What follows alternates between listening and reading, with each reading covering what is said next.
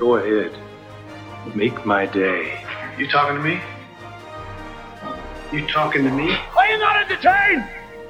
Are you not entertained? Labdien, un esiet sveicināti kino kulta podkāstā. Kino kults ir projekts, kur mēs fanojam par kino kopā.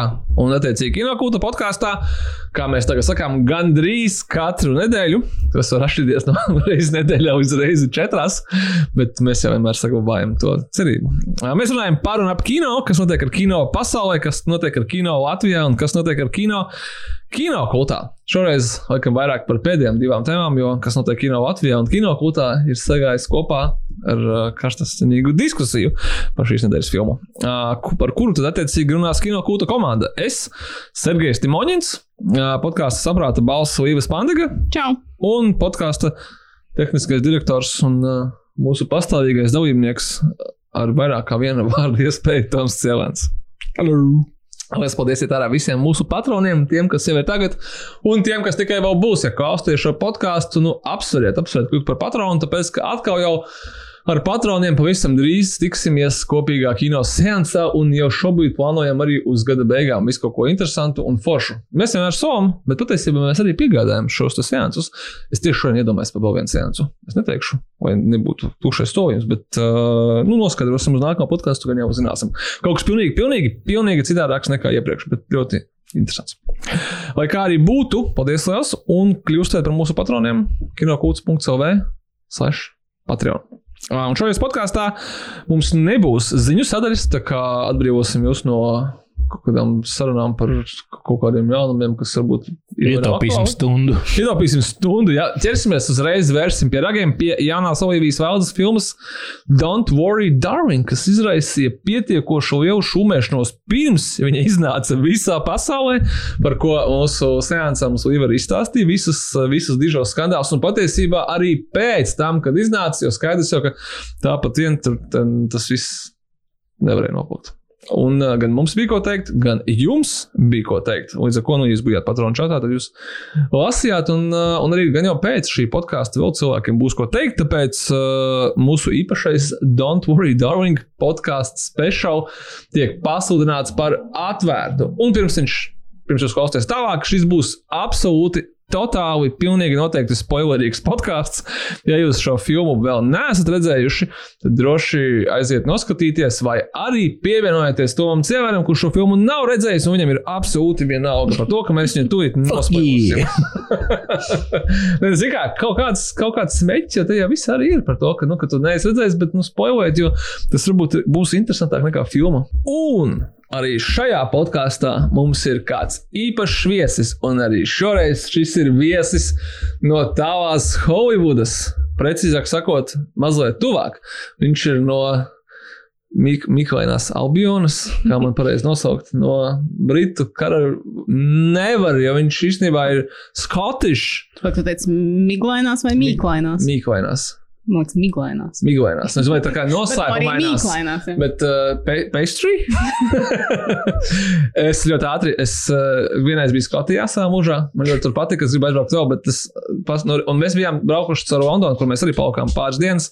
Un es visu mūžu atcerēšos, kad mēs viesnīcā vai kur mēs tur bijām, uh, es prasu, vai viņiem ir English breakfast, un viņi man tā kā ļoti dusmīgi pasaka, nē, mums nav English breakfast, bet mums ir Scottish breakfast. Un es tā kā, ok, un viņi man atnesa nu, to pašu. Īrijā tieši tas pats, ka viņiem ir īri. Nē, mums nav. Scottish breakfast, bet mums ir Irish We, we breakfast. just call it breakfast. Jebkurā gadījumā, jebkurā gadījumā mums ir šajā podkāstā priekš jums intervija ar producentu Richardu Braunu. Richards Brauns ir producējis tādas filmas kā Outlaw King ar aktieriem Krisu Painu un Florenci Pju, par kuriem mēs arī reiz runāsim šajā podkāstā, kā arī viņš ir producējis seriālu, kurš jau šobrīd ir redzams Vieplay platformā. Un uh, arī Vieplay platforma ir tā, kurai mēs sakām lielu, lielu paldies par šo interviju. Seriāls ir uh, This England. Un uh, seriāls stāsta, kā man sākumā likās par Borisu Džonsonu Covid laikā, bet kā Ričards Browns man ir pievaboja, ka tas nav seriāls par Borisu Džonsonu, bet gan par Covid situāciju Lielbritānijā uh, šajā attiecīgi pašā smagākajā pandēmijas periodā. Tā kā, ja nu kāds jums jautā, tad nē, nē, nē, Boris Džonsons ir tikai viens no šīs seriāla varoņiem. Uh, mēs gan, jā. Man liekas, ir noteikti jāpiebilst, ka viņu tēlo Jā. Brana. Nu, tāpēc jau arī mums, uh, nu, vai kā negribētu Ričards uh, to uh, nu, nu, atsvērt, visi to sauc par seriālu par Borisu Džonsonu, kuru tēlo uh, Kenets Brana, kurš ir absolūti neatpazīstams un uh, jau ir ierindojies daudzu, uh, daudzos internetā atrodamajos topos. Most unrecognizable actors in the role, uh, kā, nu, kā diezgan augstās pozīcijās. Visu cieņu! Jau no septembra beigām meklējiet seriālu viepoja.cl platformā. Uh, Viņa autors, uh, tas, kurš ir sarakstījis viņu un režisējis daļu no serijām, ir Maikls Winterbottoms. Tas ir diezgan diezgan labi zināms, uh, zināmais režisors, scenārija autors un vispār kino. Kino cilvēks, bet savukārt uh, mūsu interviju ar producentu Richardu Braunu, kurš, es aizmirsu pateikt, viņš ir producējis True Detective pirmās divas sezonas. Un es viņam pieklājīgi nepaprasīju, kas tu tur notika ar trešo, vai viņš piedalīsies ceturtajā. Bet uh, mēs cenāmies parunājām par, piemēram, tādu lietu, kā viņa producentais NBA seriāls. Uh, Nevis par uh, tur Chicago Bulls vai, vai Maiku Jordanu, bet gan par NBA Āfrikā. Lūk, un uh, tas ir diezgan interesants tēma, un pieskarāmies arī Outwalking un, protams, arī seriālam This England. Tā kā podkāsta beigās uh, jūs gaida šī intervija angļu valodā. Atkal ar manu briesmīgu valodu, bet nu netik traki šoreiz. Tā nav Hunija Nilsons, tā nesatraucos. Šis bija normāls džeks. Visu ātri izrunājām. Klausoties un skatoties This England platformā viepoja jau septembra beigās. Yeah, well, you know, that's just like uh, your opinion, man. Tu gribi izstāstīt ļoti īso intro par to, kas notika pirms filmas? Tur nav īsā varianta. Ar bildēm bija noteikti interesantāk un Jā. uzskatāmāk. Nu, īsāk sakot, skandāli bija pamatīgi. Uh, nu, viss sākās laikam ar to, ka Olivija Vailda filmēšanas laikā sagāja kopā ar uh, savu galveno vīriešu lomas atveidotāju Hariju Stālu. Viņi ir vēl kopā. Vēl joprojām ir, bet nu, tur ir Harija Stāls, vēlākie fani, protams, ir ar savām teorijām, bet nu, viņiem ir arī teorijas par viņu citām attiecībām. Okay. Tur labāk nelīst tajā caurumā. Melnajā. Uh, tas viss sākās ar to. Attiecīgi, tad uh, viņi esot uh, samīlējušies tik tālu, ka nu, klīda baumas, ka nesot vairs gluži profesionāli uzvedušies filmēšanas laukumā. Florence Pugh esot bijis neapmierināta ar to, tad tika.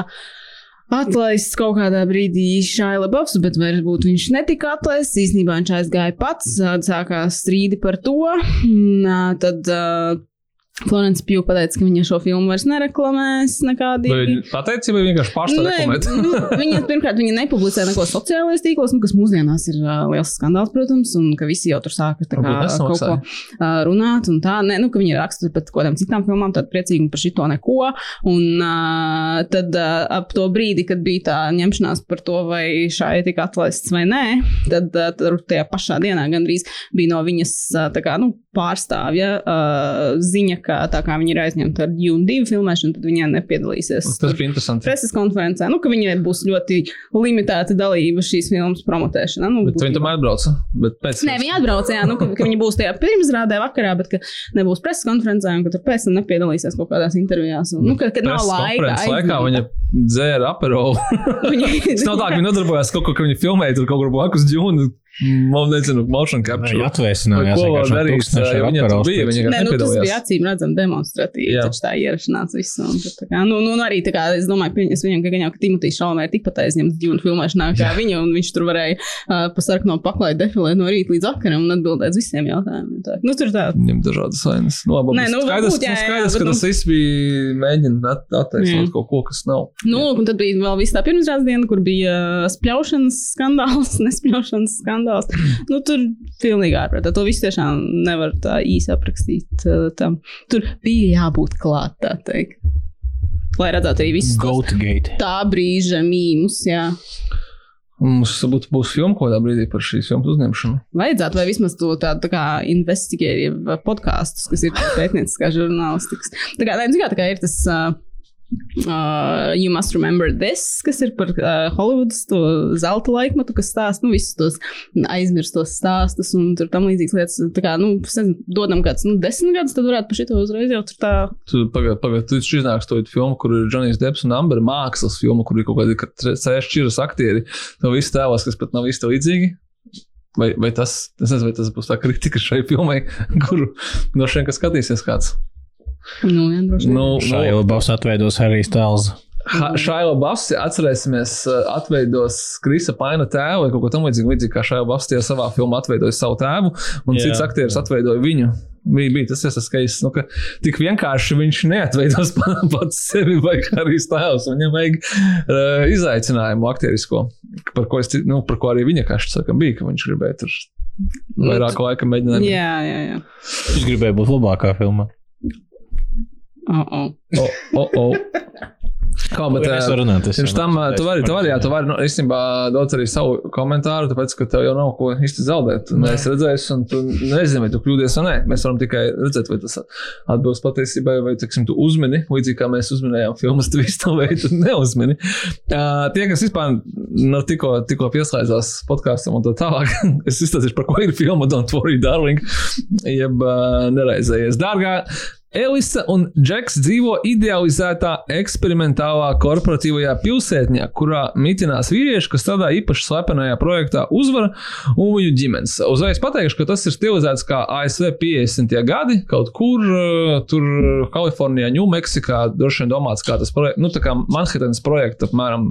Es domāju, ka visi to ir redzējuši, sākot ar seriālu par Roswell, beidzot ar spēli Fallout 4. Nu, tā kā, tā kā tas, tas stils jums ir zināms. Mēs uzreiz saprotam, kas tā ir pa vidi. ASV slepenās kaut kādas tur pilsētas, tūkstoši vidū, neviens netiek ārā, netiek iekšā. Kamēr vīdi diena pavada uzņēmuma galvenajā mītnē, strādājot pie pēdējās progresīva materiālu izveides. Viņas sievas baidas, bauda skaistumu, luksusu un uzdzīvi, bet, kad viņu ideālajās dzīvēs parādās plaisas, Elisa, kuru atveido Florence Pju, nespēja nedomāt par to, kas tur īsti notiek un kāpēc. Ja kāds jautā, kas notiek mums fonā, tad mums ir kino kultas suns šodien ciemos. Mēs varbūt jau Ik pa laikam ir kāds skraps, skraps, skraps. Bildi Tas ir suns. Jā, kino, kino suns.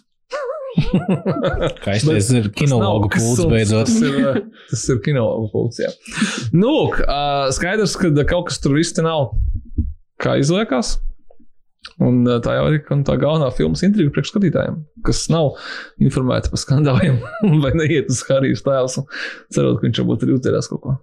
Čo arī uzdzēn drusciņ. Viņš bija uzdzērājis. Varbūt, tad ziņā taisnām. Nu, lūk, ā, galvenais Omas Florence Pju, Harijs Stāvs, arī Olivija Wilde, Džema Čana un Kris Pains. Nu, ko disk diskas? Olīva? Es, es nezinu, no kur vēl sākt. Nu, no tā, kur par Harijs Stāvs sm smējās viņa fani. Bija tas moments, nē, jā. Uh, kaut kad viņa neizturēja vairs tā kā, ok, enough of this, filma man likās ļoti slikta. ļoti slikta. Ļoti slikta. Nu, tā kā neskatām slikta, bet tas tā. nu, ne tā, ka neskatām slikta. Viņa ir. Nē, viņa ir, nu, tā kā. Watch. Tu jau minēji to vidi, tie 50. gada ASV, kas ir, nu, tā, tu uzreiz iedomājies, kā tas tur ir. Sievas ar uh, smukām kleitām, ar uh, nolakotiem nagiem un frizūrām. WandaVision, uh, jā, jā, Jā. tas pats, jā. Nu, tā, es saku, vai arī tie paši mēdmeni tikai. Es tieši gribēju teikt, Madman, jā. Jā, nu, tas, kaut kas ā, asociācija uzreiz. Viss ir ļoti smuki sataisīts. Tā, tā, tā pilsēta, jā, tur par to nevar īsti neko un arī nevajag pārmest, jo tas viss strādā, bet tā filma sižeta līmenī kaut kāda vēstījuma, stāstījuma līmenī ir ļoti slikta. Un, lai piedod, jā, arī Stēls man, viņš ir briesmīgs aktieris, viņš ir ļoti slikts nepalīdz tas, ka mēs zinām, ka tur bija tas šajā balvā domāts, un šajā balvā nav labs cilvēks, bet viņš ir labs aktieris. Tā kā mēs zinām, ka viņš var būt arī ļoti. Es, diemžēl, to pašu filmas laikā vairāk kārt iedomājos, ka es, es varu iedomāties Šaila Bafu šajā lomā, un viņš noteikti būtu izdarījis kaut ko interesantāku. Nu, Šājam nevajadzētu būt vairs nevienās filmās, viņam vajadzētu droši vien nu, cietumā drusku pasēdēt vislabākajā gadījumā. Jā. Pēdējās. Un uh, tam līdzīgi, bet. Uh, Bet, nu, Harijs Sēls nevar pavilkt to lomu. Un nav tā, ka no viņa tiek drausmīgi daudz prasīts. No viņa tiek prasīts vairāk filmas otrajā pusē, un tajā brīdī tu jau esi turklāt vēl noguris. Jo tā filma atkal ir pagaru. Viņa, viņai bija jābūt stundu 40. Tas ir kaut kā ļoti, jā, viņi ir, viņi obviously overstated it's welcome, un priekš filmas, kur ir balstīta uz to, ka mums visu laiku tiek tā kā apmēram ir mājiens. Nu, ka, nu, kas tad tur notiek īstenībā? Nu, kas tad tur notiek? Un tu tā kā, bet man ir garojas. Nu, garojas Tāpēc, ka tu jau esi uzminējis, kas notiek. Nu, jā, tu gribi jau tā kā. Es gribēju teikt par, par Šāju Bafu un Hariju Stāvsu, kad tā, ko, ko es sapratu priekš sevis, kad tam varonim ir jābūt vienlaikus, viņam jābūt cipa tur baigais, viņš ir džeks, viņš ir pievilcīgs, un reizē viņš ir, viņam jābūt vienlaikus ievainojamam un vienlaikus jābūt tādam agresīvam ar kaut kādu. Un Harijs Stāvs. Mm nu, tu vari saprast no šajā ka viņš var būt baigs sirsnīgais, un tu domā, ka viņš var būt arī psihopāts. Un īstenībā tu vari to otru vari vairāk iedomāties, tur arī, diemžēl, dēļ dzīves, bet viņš var tāds būt, un tas ir tā biedējoši, tas bija nepieciešams Harijam Stāvsam, laikam, nepiemītas. Lai gan mēs mums varam iedomāties, ka viņš var būt arī kaut kāds galvīgi sajūdzies, bet tajā brīdī, kad uh, filmā, un tagad, nu, tas ir spoilers uh, podkāsts, kad mēs redzam viņu tajā īstajā dzīvē, kaut kādu, ķipa, nu, tā kā, ok, uztaisīsim viņu par bāru tā kā, come on! nu, tu vispār zaudēji tajā brīdī, ja kāda ticība viņa varonim ieraugot, ka viņš ir noaudzis ar bādu, tā kā viņš tāds, jā, tur, tur, tur tā kā sevi palaidis, tad domāju, come on, tas ir Harijs Stēls, kurš ir ar pielīmē, nu, tā kā trīs dienas vienkārši nogušu bādu, viņš tikpat labi izskatās, viņš labāk izskatās nekā gudi noskūts, par ko jūs kā mēģināt parādīt, ka viņš ir kaut kāds, kā Krievijas saka, zadrots, nu nē, nu, viņš nekad tā nav bijis un neizskatās. Uh, bet šajā jau gan būtu. Nu, jā, tas, jā, tu, man liekas, viņam nocēt, nu, pirmkārt, viņš ir labāks aktieris, jo Harijs runā piecos vienlaikus akcentos, viņam katrs teikums, katrs vārds ir citā akcentā. Tā bija viena lieta, ar ko es ar savu līdznācēju drausmīgi uzjautrinājos. Viņi tā kā pat mēģina izskaidrot to, ka tur ir tās akcentu atšķirības, pasakot, ka viņš izvēlējās būt brits tajā iedomātajā pasaulē, bet, kā, bet viņš nebija visu laiku brits tajā iedomātajā pasaulē. Nu, tur ir ļoti slikti, un viņam tā kā seja var sadalīt divās daļās. Viņam tā kā mutes daļa ļoti nopietni strādā un tēlo, bet viņam acīs tā kā nu, tukšums ir. Tā kā, nu, Lai, nu, nu, nav viņam aktieru mākslas, man liekas, īstā karjera. Nu, viņš vienkārši smuki izstāsta, tā, Jā. bet, bet tur nav kaut kāda bišķi lielāka, kā tā problēma, ka tur mums arī ir uh, patronu čatā izrādā diskusija, kur ir cilvēki aizstāvēja Harijs Stāvsu, ne, tikai pie tam meitenes sudarīta, kas bija, nu, kad, kad, ja mēs nezinātu, ka viņš tur nebija domās, tad mēs pat tipa, to ne, neievērotu un vispār nebūtu tāds izšu. Bet kā mēs varam nezināt, ka viņš ir Harijs Stāvs? Nu, tā kā, ok, ir cilvēki, kas nezina, kas ir Harijs Stāvs, un ir cilvēki, kas skatīsies uh, uh, Jokeru divi, domās, kaut kāda jocīga sieviete, ka, kas viņa ķipa, kaut ko, kaut ko zināma, ja, nu, ir tādi cilvēki, ir, tas ir ok, pasaule ir liela un tā, bet stil, tu kā nevar tomēr zini, kas ir Harijs Stāvs, un tu nekad nevarēsi tu izņemt tā, tas ir līdzīgi kā tā, es iedomājos, bija tā filma ar Britnijas Spears Crossroads, tu vari teikt, ko tu gribi, bet vienalga, tie filmā būs aktieri un Britnijas Spears un punkts, un tā viņi tiks uztvērta, un uh, tu vari iedomāt, teikt, ka, ja mēs nezinātu, ka tā ir Britnija, varbūt mēs domātu, ka tā ir aktrise, bet, uh, bet kāda jēga, ka, ka viņi tiek promotēti kā filma ar Britniju, un šī tiek promotēta kā filma ar Harijs Tēls, un tas ir zit, un tā mums ir jāuztver, un uh, kaut, kādās, kaut kādās citās filmās man šķiet, viņš strādās normāli, kur mēs to uztversim kā Mm, nu, čipa, es nezinu, nu, kaut kādā vieglākā, varbūt izklaidēšu, bet filmā, kurā viņam ir jātāvo konkrēts personāžs, es nezinu, vai mēs viņu kādreiz varēsim uztvert. Dunkerkāns bija pilnīgi ok. Nu, viņam tur nebija, pirmā, viņam bija ļoti maz loma. Viņam tur praktiski nekāda teksta nebija, bet nē, bet, nu, tā kā tu skaties, jo, tā kā tur arī runāja, tā kā, oh, arī Sēls un tur loma, tā tā. Mm, skaties, viņš bija kā viens no tiem pušiem, bija, bija ok, main, jā. Nu, tā kā. Tā kā. Tā, nu, kaut kādas lomas varbūt viņš var paņemt, jā, bet tādu šādu viņš iznest nevar manuprāt, lai piedod. Man liekas, ka zālē bija tik daudz arī fanu. Jo... Tas arī viņi arī to saprata. Viņi arī sasmējās. Viņi arī sasmējās, ka tā kā viss foršs turpina dzirdēt. Un tā, bet nu, tā kā nav tā, ka viņš šai filmai palīdzēja, bet viņš gremdēja noteikti. Viņš bija, viņš varbūt nebija tā, ka dēļ viņa viņa tā kā. Nu... Nē, nu, tas ir tas, ko viņa aizstāvja. Jo teikt, ir tas, ka viņam, protams, nav tas materiāls arī pateicīgs. Jo... Nu, jā. Tad, kad viņam tiek tā, tā kā nu, smagākā, nopietnākā daļa filmas, tad viņa ir jau aizgājusi pie tā tvista, un tajā brīdī tā filma nu, tā sabrūk vienkārši. Absolūti, un tad nu, viņam, man liekas, arī līdz ar to ir grūtāk. Mēs mēģinājām par tematiem, bet tas ir kārtībā. Klausies, es pirms mēs sākām runāt par to vistu. Nu, tas ir galvenais šis filmas stūrakmens un kūpšanas akmens reizē. Klausies, Tom, tu te nevar redzēji, ne? Tu pasaki mums, uh, uh, ko tu domā, kas tur notiek. Un tu redzi, ka tur trailerī par to, ka ir ideālā pasaule, un tur, tur jau rādās kaut kāda šizofrēnija. Something's fishy. Vai? Something fishy, jā. Kā, kā tev liekas, kas ir? Ja tu zini, ka tas fishy, nu viņš tur nav tik daudz izvēles, kas tur var būt. Tā man liekas vismaz. Nu, gan jau, ka tur minējums varētu būt, ka tas nezinu, tur kaut kāda tur vai eksperimenta vai kaut kas, un ka nu, tur viņi vairs nav īsti tā kā, normāli cilvēki, ka viņus kaut kā tur izskalo smadzenes vai, vai vēl nezinu, ko izņem smadzenes vai kaut kas tam līdzīgs. Tāpēc viņi paliek par tādiem Tā kā pseido, pseido ideālistiskajā pasaulē dzīvo, kas nu, Nu, neskaidrs, ka tas nav īsti, bet tā kā jautājums, nu, nu, un tas Tā, ir ka tas, viņi vairs nav viņi paši tādi, kā, tā kā Ok. viņi ir. Fair, fair enough. Un Tā, un uh, laikam tā, ka uh, tas, ko par filmu akšoju liek aizdomāties, ir tas, ka tu nevari vairs mūsdienās balstīt filmu uz twistu. Tas ir muļķīgi. Tas ir, uh, un es, es vairāk aizdomājos par to, uh, ja šīs filmas scenārijs, un uh, te visu laiku valkās līdz tā filmas pagātne. Nepārtraukti gan ar tām nenormāliem skandāliem, gan ar to, ka uh, šī filma ir balstīta uz scenāriju, kurš tur ir bijis tajā blacklistā, kas ir Hollywoods labāko neproducēto scenāriju saraksts.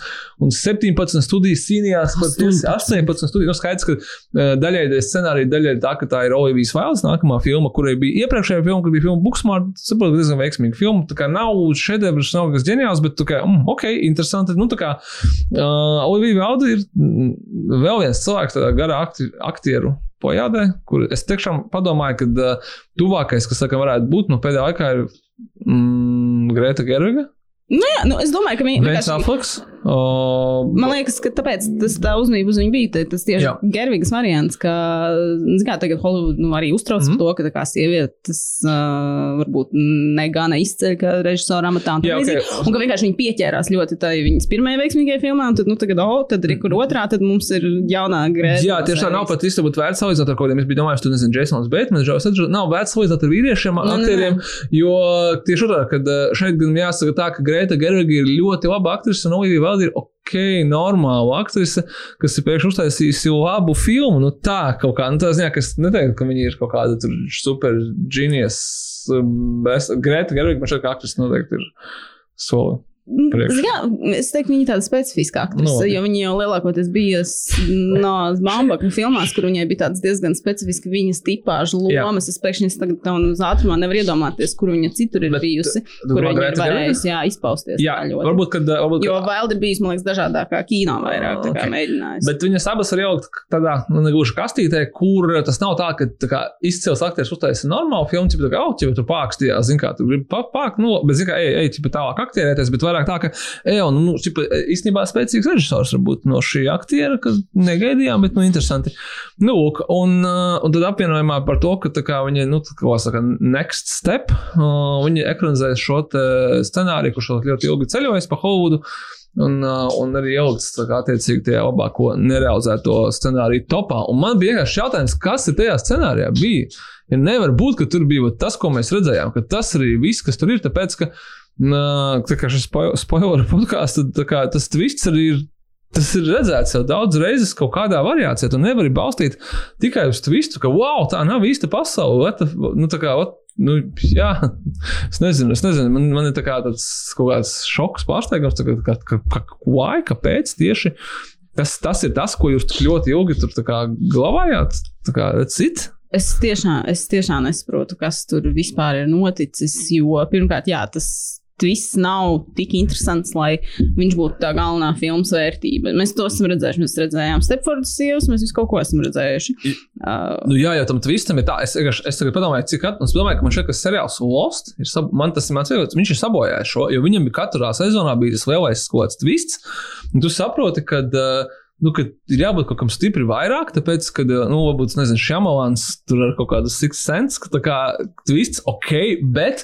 Un uh, mēs ejam uz šo filmu, lai skatīties, kāds būs twists, zinot jau iepriekš, ka mēs to twistu visticamākais tādā vai citādā variantā būsim redzējuši. Tas nozīmē, ka, ja mēs to twistu uzminam, tad mums tā kā, ah, ok, es esmu redzējis. Un, ja tu viņu neuzmini, tad tā kā, ah, ok, es negaidīju, ka tas būs šis, bet jebkurā gadījumā tā filma nekad nevar deliverot savu, savu solījumu, ka kā viņi sev sola, ka būs interesanti, bet Tev tas tā kā redz, nu tā, man kā šāda tāda sajūta, ka tā kā, un tāpēc tev jābūt kaut kam vairāk. Nu, tieši tā, jā, ja tev tā kā, tas viss nav kaut kas tik nenormāli oriģināls, ka viņš vienkārši izvilks tavu filmu pats par sevi. Jo, teiksim, nu, Nolans kaut kādā mērā, tad, teiksim, ar Inception izdarīja. Jā, nu, pat nav tāds, bet nezinu, tur ir tāds twists, twists, bet, nu, ka, ļoti cilvēks, viņš sēž un tur tā kā, vai, tā kā, ok, tenetā tur nav varbūt tik ļoti twists, cik ļoti tur ir kaut kāds, kas, nezinu, matemātiskās formulas, Nu, un cilvēks tik ļoti iespringst, un tas arī Nolanam nevienmēr strādā, nu, ka tu, tā kā, viņš viņam tiek pārmests, ka tā kā, "Nē, tur labāk, sliktāk un tā tālāk, bet eh, tāpēc, eh, tāpēc, jā, tāpēc tas bija pārsteigums, ka tagad tas arī viss, ka tas tiešām tikai twists arī būs tas. vai arī tam pašam šāmalam, ko minēji, jo, teiksim, ok, tu zini, tu zini tā šāmalam filmu, visticamāk, tur būs kaut kāds twists. Bet viņam tas viņam arī beidzās jau pirms, Nu, tas jau- Lady in the Water jau bija tā, ka viņa pateica, viss pietiek, tā kā, end, end, nu, jā. agrīnajā šāmalā, teiksim tā. Un uh, tu skaties, un tev ir tas, ka, ok, vai tu tur uzmini to twistu vai nē, bet tev būs, teiksim, interesanti skatīties to filmu vēlreiz, jo viņš būs perfekti izplānojis to. Viņam tas viss tur Jā. sasiesies un viss tas strādās. Man tas pat neaizdomājas, sorry par šo, ka šo filmu vispār otru reizi nekāds skatījās. tā. Vai pirmo reizi, nu, ka tas nav tā, ka tu skaties, tā kā, oh, jā, tur tā kā viņi ir ielikuši kaut kādus, tā kā tos, es, tā, teiksim, es tikai tagad, kad mums bija uh, atkārtotie cīņas klubu seansi, es pirmo reizi pēc 23 gadiem uzzināju, kad izrādās, ja tu skaties cīņas klubu, kad uh, vienmēr, kad iet, uh, un šis ir arī cīņas klubus, spēšāls atvainojos, bet, nu, ne, neatvainojos. Man liekas, tur ir jau noilgums. Jā, kad iet abi divi galvenie varoņi, un ja viņi ar kādu runā vai kaut kādā saskarās, nekad neviens cilvēks pie Tailera nevēršas un nepieskarās viņam un tā tālāk. Un tu skaties, tu atkārtot, un es tā kā bāc, un es tā kā visu biju pamanījis, bet šito es nekad nebiju pamanījis, ka, nu, ka tik ļoti ir izdomāts, ka, teiksim, viņam tur pagrūža kaut kas vēl, tā kā neviens viņam neatvainojās, viņam neviens pie viņa nevēršās, bet viņš kā runā ar cilvēkiem, un tu saproti, nu, ok, krūts, tā kā, jā, ok, nav. Un ir rodas sajūta, ka Finčers taisot filmu jau zināja tvītu. Damn!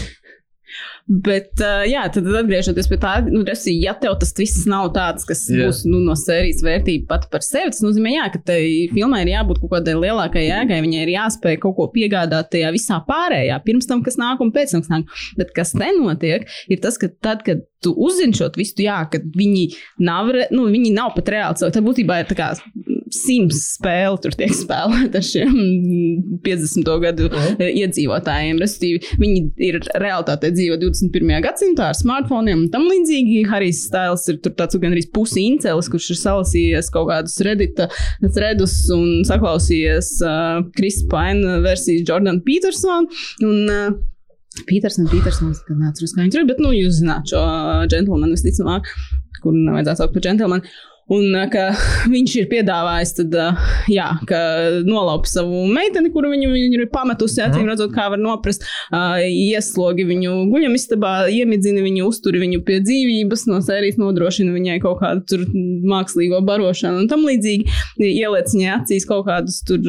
Tas, šī, šis moments vispār nav pārdomāts. Nenā brīdī, Kaut tur, kādas ā, tur, jā, tur kāds veidojumus, darbotos un tad ieslēdz viņu iekšā kaut kādā šajā iedomātajā sapņu pasaulē, kur viņa tevi mīlēs, un kur tu viņu varēsi mīlēt, un kur viss būs perfekti. Vampīrs Tas ir Ready Player One? Vai kaut kāds. Nu, jā, kaut, nu, jā, nu, saka, nu, kaut kāds pilnīgs ārprāts, bet Nu, un kā, jā, brīdī, kad tu šo Tas bija dream, twistu, bet tā kā, jā, tas ir tā kā twistu saproti, visa tā iepriekšējā filma vienkārši izirst pa vīlēm, jo tu vairāk par viņu domā, jo tur viss sliktāk. Jā, jā, tas nav tā, ka visi tie vīrieši saskatās kaut kā zīmīgi filmas laikā, un tā kā, tā kā mēs zinām, kas tur notiek. un Tā, Tur ir pirmkārt, tev rodas miljons jautājumu par to, kā tas viss tur iepriekš ir bijis setapots, kā tas ir strādājis, kāpēc tas tā ir strādājis.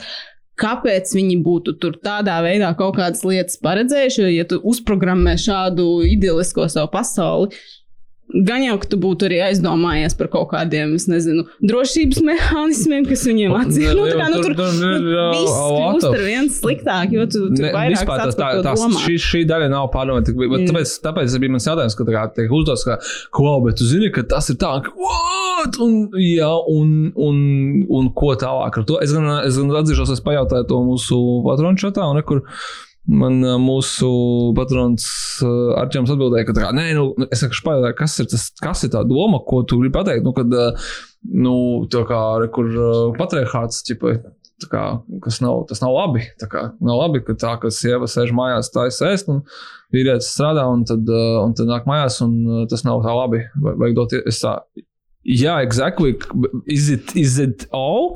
Vai tas, tas ir tiešām tas tas, ir? Tas, jo tas man vat tas lielākais pārsteigums, ka ne jau tā, ka es nesaprotu, kas, bet kā, is it it, ko jūs gribat pateikt, ka tas nav labi, vai kā, kāda tā doma, tāpēc, ka, eh, zini, kas vēl nav labi, nogalināt cilvēks un zakt, un tā kā, bet netaisa par to filmu, sājas filmas par to, ka tā kā, is it good or bad, vai tā kā kāds ir, nu, jā. Nē, tā filma vienkārši viņam liekas, ka viņai kājas ir izaugušas no tā, ka tad, kad uh, Twitterī ir kaut kādas politiskas diskusijas, kur sākās runas nu, par kaut kādu seksismu vīriešiem un sievietēm, un to, ka tur vīrieši lemj par kaut kādām sieviešu tiesībām. Tam līdzīgi bieži vien kaut kur parādās kāds izmet to tādu, nu, tā kā, kā pusjoku, ka, nu, jā, protams, ka visi šie vīrieši īstenībā gribētu, ka mēs atgriežamies 50. gados, jo tajā laikā viss bija skaisti un perfekti, un tas ir tas, kur ā, ar kaut kādām jaunām tur ā, pieņemtām normām un likumiem cilvēki grib atgriezties. Nu, ASV kontekstā visbiežāk tas Mhm. tiek apspriests, nu, ka tur, teiksim, tagad ar tiem abortiem tam līdzīgi. Balsot par tradicionālām vērtībām. Tieši tā, jā. Un ka, tad, nu, un ka no šī tad kādam ir bijis tā kā tāds spuldzīti O, iedegusies. o. O, a, ja mēs to bet tad ir tā, ka uh, tas nav, man šeit kā nav komunicēts Bet pietiekoši tas, tā skaidri. kā, nu, tas message ir ļoti plāns. Turklāt viņš. neko neattīst. Viņa neko ne, vienkārši Jā. pasaka knapi to. Uh, Nu, tā kā šitā droši vien nevajadzētu darīt. Jā, Džeki, neieslogieties savas Wow. meitenes uh, guļamistabās. Un... Nē, es saprotu, ka tā ir lielbudžeta, Lesson learned. lielbudžeta Hollywoods filma, kurai jābūt ļoti vienkāršai. Tur tā kā, nu, tā, kurš mums būs tagad avatārs, šitais te nature is good, kā corporation is bad. Nu, jā, nu, nu, ok, bet uh, es kaut kā laikam gaidīju vairāk no šī blacklist scenārija un kas cilvēkiem. kļūst vēl trakāk, un kāpēc man tā filma liekas vēl briesmīgāk. Ja viņa vienkārši būtu tāda, ok, labi, vienkārši nu, nesanāca tā. Nu, ideja, nu, nu, kā tu teici, nu, jā, tā nevajag darīt. Tā ir no slikta ideja. Par varbūt, sevi, varbūt uztaisīt kaut ko baigi sarežģītu, varbūt studiju. Bet es nezinu, mums ir jāpārdod tā filmu vienkāršojumu, visu vienkāršojumu tā vai sakošajām. Nu, tā ir Hollywoodā, tā laiku notiek. Okay, tas nav arī pārsteigums, nebūtu nekāds, ka tiek viss vienkāršots. Gan es ļoti šaubos, ka tur ir izgriezt ārā, jēga, teiksim, tā no šīs filmas, kas viņi filmē, tad tā doma, ka tā kā viss ir, viss ir balstīts uz to tvistu, ka, nu, skatieties, kā mēs jūs pārsteidzām. Bet tā nākamā problēma, un kas tai filmai liek, nu, vismaz manuprāt, izskatīties vēl sliktākai, kas viņu padara vēl briesmīgāku, viņu nevar atraut no tā konteksta, kādā viņa Jā. ir iznākusi. Viņu nevar atraut no tā, ko pati Olivija Vailda ir teikusi par šo filmu, kā tur traileri ir likti kopā un viss pārējais. Un viņa ir Es nezinu, cik tur tajās intervijās stāstījusi. Bija arī prezentācijā tie citāti no viņas, ka Mhm. viņa uh, tur iedvesmojās no kāda tur fatal attraction un kā tur vēl. un Ka viņi ir skatījusies šīs Ne- filmas un ka Nepamanīju, baigi, tur, nu, labi. Jā, ok, bet viņi ir, Viņi mēģināja ietekmēties, bet viņi neredzēja to filmu. viņi ir skatījusies šīs filmas, un ka viņi ir tā kā, nu, aizdomājušies, kāpēc nav tā kā tur to labo seksainu, kāpēc mēs nepievēršamies tur sievietes baudē. Tur bija tā viena intervija, kur viņa teica, ka tur šajā filmā orgasmu sasniedz tikai sievietes, vīrieši, ne, kas, nu, faktuāli ir taisnība, un ka viņa baigi stāstīja par visu šito, un ka tur ir, nu, tas sieviešu, kādas tur vēl visādas baudas parādītas, un kas tik vēl ne. Kas, nu, šī filma tā tika pasniegta, jā, Florence Pugh tur arī sāk par to, viņa tur tā, nu, jau tā, mm, Bet es piekrītu vairāk viņai, ka tas nav tā kā par šo, un tas tā kā Tas nav par šo, un, tā kā, bet, hmm. saprot, bet tikko tas viss notiek, viss šis te, visas tās seksainas un viss tas. Tas apgriežas otrādi. Viņas apgriež pilnīgi otrādi. Un tad man tāds jautājums, tad, tad ko viņa runā tajās intervijās? Jo visas tās seksainas, visas, kas tur ir, tās ir Vīrieši, Vardarbīgi jā, tieši uzspiestas, jā. tā. Tur jau tā, nu, es šai domāju, ka tas, Tā kā, tu vari runāt par kaut kādu, es nezinu, to, ka šī tur filma, es ne, nu, viņa neteica revolucionāri, tur parādīs vai mm. kaut ko. Tas, tās ainas, viņas nekādā veidā nav attiecīgi ar, nu, ar pozitīvu Mhm. mm -hmm. vērtējumu aplūkotas. Jā, jā. Un es nesaprotu, ko viņi runā. Man tikai reāli ir jautājumi par to. Okay, es saprotu, ka viņi nevar teikt šo tvistu intervijās. Viņi nevar stāstīt Bet par viņa, to, ka viņa, viņa, viņa arī var vienkārši negvalst kaut Viņi var lietas, kas nonāk klāji pretrunā ar visu filmas message. Jā. Un tāpēc es, tā kā, es skatos, un es reāli kā, man tas nošokēja gan arī visvairāk. kā Viņa, ne, nu, vai viņa nesaprot to kaut kādu, vai nu, kas tur ir noticis. Jā, tas jau, nu, nezinu, tas viņš radīja kaut kādu ļoti muļķīgu. Nu, jā, tā- ka tā kā viņi nav, nu, nav tā kā pārāk gudri, bet no otras puses, Nu, can she not tieši be? tā. Viņi vienkārši režisori, otrai filmai, tā kā, nu, tās, jā, kaut kā, tā kā, tas nav Nē, tā, nu, ka viņi ir ielikt. Komentāri, tā kā, nu, tādi Nu, drusku stulbi liekas. Bet, zini, kā viņi- tas ir kopā- Viņa nesaprot pati tālāk kaut kā, nu, kā tā filma ir nopozicionējusi šīs super seksīgās ainas, kuras īstenībā nav seksīgas, viņas ir drausmīgas. Bet tad tu saliec, ka šajā trīsstūrī, kur vienā pusē ir gatava filma, otrā pusē ir šie viņas komentāri, un trešajā pusē ir tie viņas skandāli, kurā viņi saka, nē, nē, šajā ir tikai atlaists, un tad, viņi, viņi, un tad ir pierādījums, ka nē, viņi esat sazvanījušies, un esat kopīgi aprunājuši forensi pīlā aiz muguras, un tu esi lūgus, lai šai neiet prom, un tad tu runā, nu, ka tu esi tā kā mēle, un, un, un tad man likās, ka varbūt ka vienkārši, nu, Olivija Vēlze ir tāda, nu, tas cilvēks, kurš tā kā kaut kādā brīdī, kad vajag, viņš saka, viņš saka to, ko, nezinu, ko viņai liekas, ka vajag dzirdēt, nu, ka viņi vienkārši melo būtībā. Nu, ka žurnālisti viņai prasa par to filmu, kā, oh, jā, jā, mums būs savākās seksa ainas uz sievietes skatu punktu, kā, kā nekad, un viņi vienkārši saka, ko, ko vajag teikt tajā brīdī. Un tad, kad viņai jautā par šo abu, saka, jā, jā, es viņai atvaidā, viss kārtībā, man vajadzīga bija drošība uz valkumu, un tad, un tad to, tas tiek Nu, atspēkots. un jā, tas otrs drusku tā kā vienkārši viedoklis par viņu ir diezgan pamatīgi Jā. nokrities. Kas ir kā nav baigi patīkami. jā. Kad ir vienkārši filma būtu neveiksmīga, nu, Jesus, Nu, būs nākamā. mazums, nu. kam Jā. negadās. Nu, jā, zin kā, ja viņi būtu vīrietis režisors, viņai vispār nekas nenotika, protams, Mm. bet, nu, kā ir, ir. Bet, jā, domāju, ka viņai tagad kaut kas tur baigi.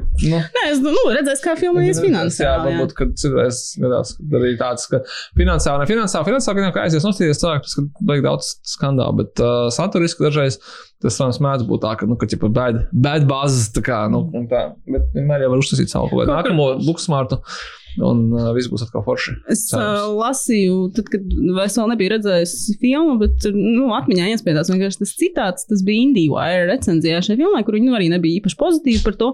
Tur bija pašās, pašās beigās tas uh, citāts, kas man, jā, kas man palika atmiņā, un es viņu tagad absolūti saprotu, kā viņi to domāja. Kā, tas Kino suns, kino suns, es laikam, uh, saku, nu, tas, tas. Um, tas uh, citāts, ka, ko, kas bija rakstīts IndieWire, bija tas, ka. Ja šī ir filma, kādu Olivija Vailda uztaisa par sieviešu baudu, tad ir bail iedomāties, kāda būtu viņas versija par sieviešu sāpēm. Nu, tas ir.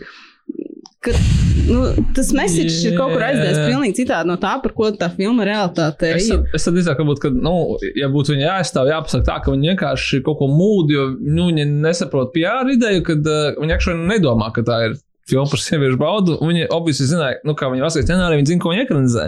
Viņi vienkārši, kad, kad tā muļķība ir nevis uh, filma, bet tā muļķība, ko viņi vienkārši pateica, ka viņai Nē, vajadzēja nu, kaut ko attaisnoties ar kaut ko, nu, nezinu, nepareizs cilvēks mēģina komunicēt, kaut ko, kaut ko cenšas, vai, vai maz cilvēki, kas mēģina mm, konkrētajā brīdī kaut kādā, kaut kādā oportunisti pateikt to, ko viņiem liekas, ka ir pareizi, bet ir galīgi, galīgi garām. Nu, jā. Bet, bet man, īstenībā ir rodas jautājums, vai viņa pati līdz galam ir sapratusi to kaut kādu to stāstu vai kaut ko, jo atkal tas ir tas, ko es teicu, tikko kāds to visu iz, saproti, uzzini, tur viss pilnīgi, kā jau es teicu, izirst pa vīlēm, un tu sāc uzdot tādus jautājumus, nu, ka tas tu, neti, tu netici vienkārši tai filmai nekādā veidā vairs. Kaut vai, teiksim, tas, ka šī ir iedomāta pasaule, kurā visu tātad kontrolē Harijs Styles, un viņš dara tā, nu, Vai arī vairs- Kris Pains, Nu, vai Krispāns, bet nu, tie ir kurš visu laiku sanāk dzīvo tajā pasaulē, vai šeit iet ārā? Vai tas ir paskaidrots? Nē.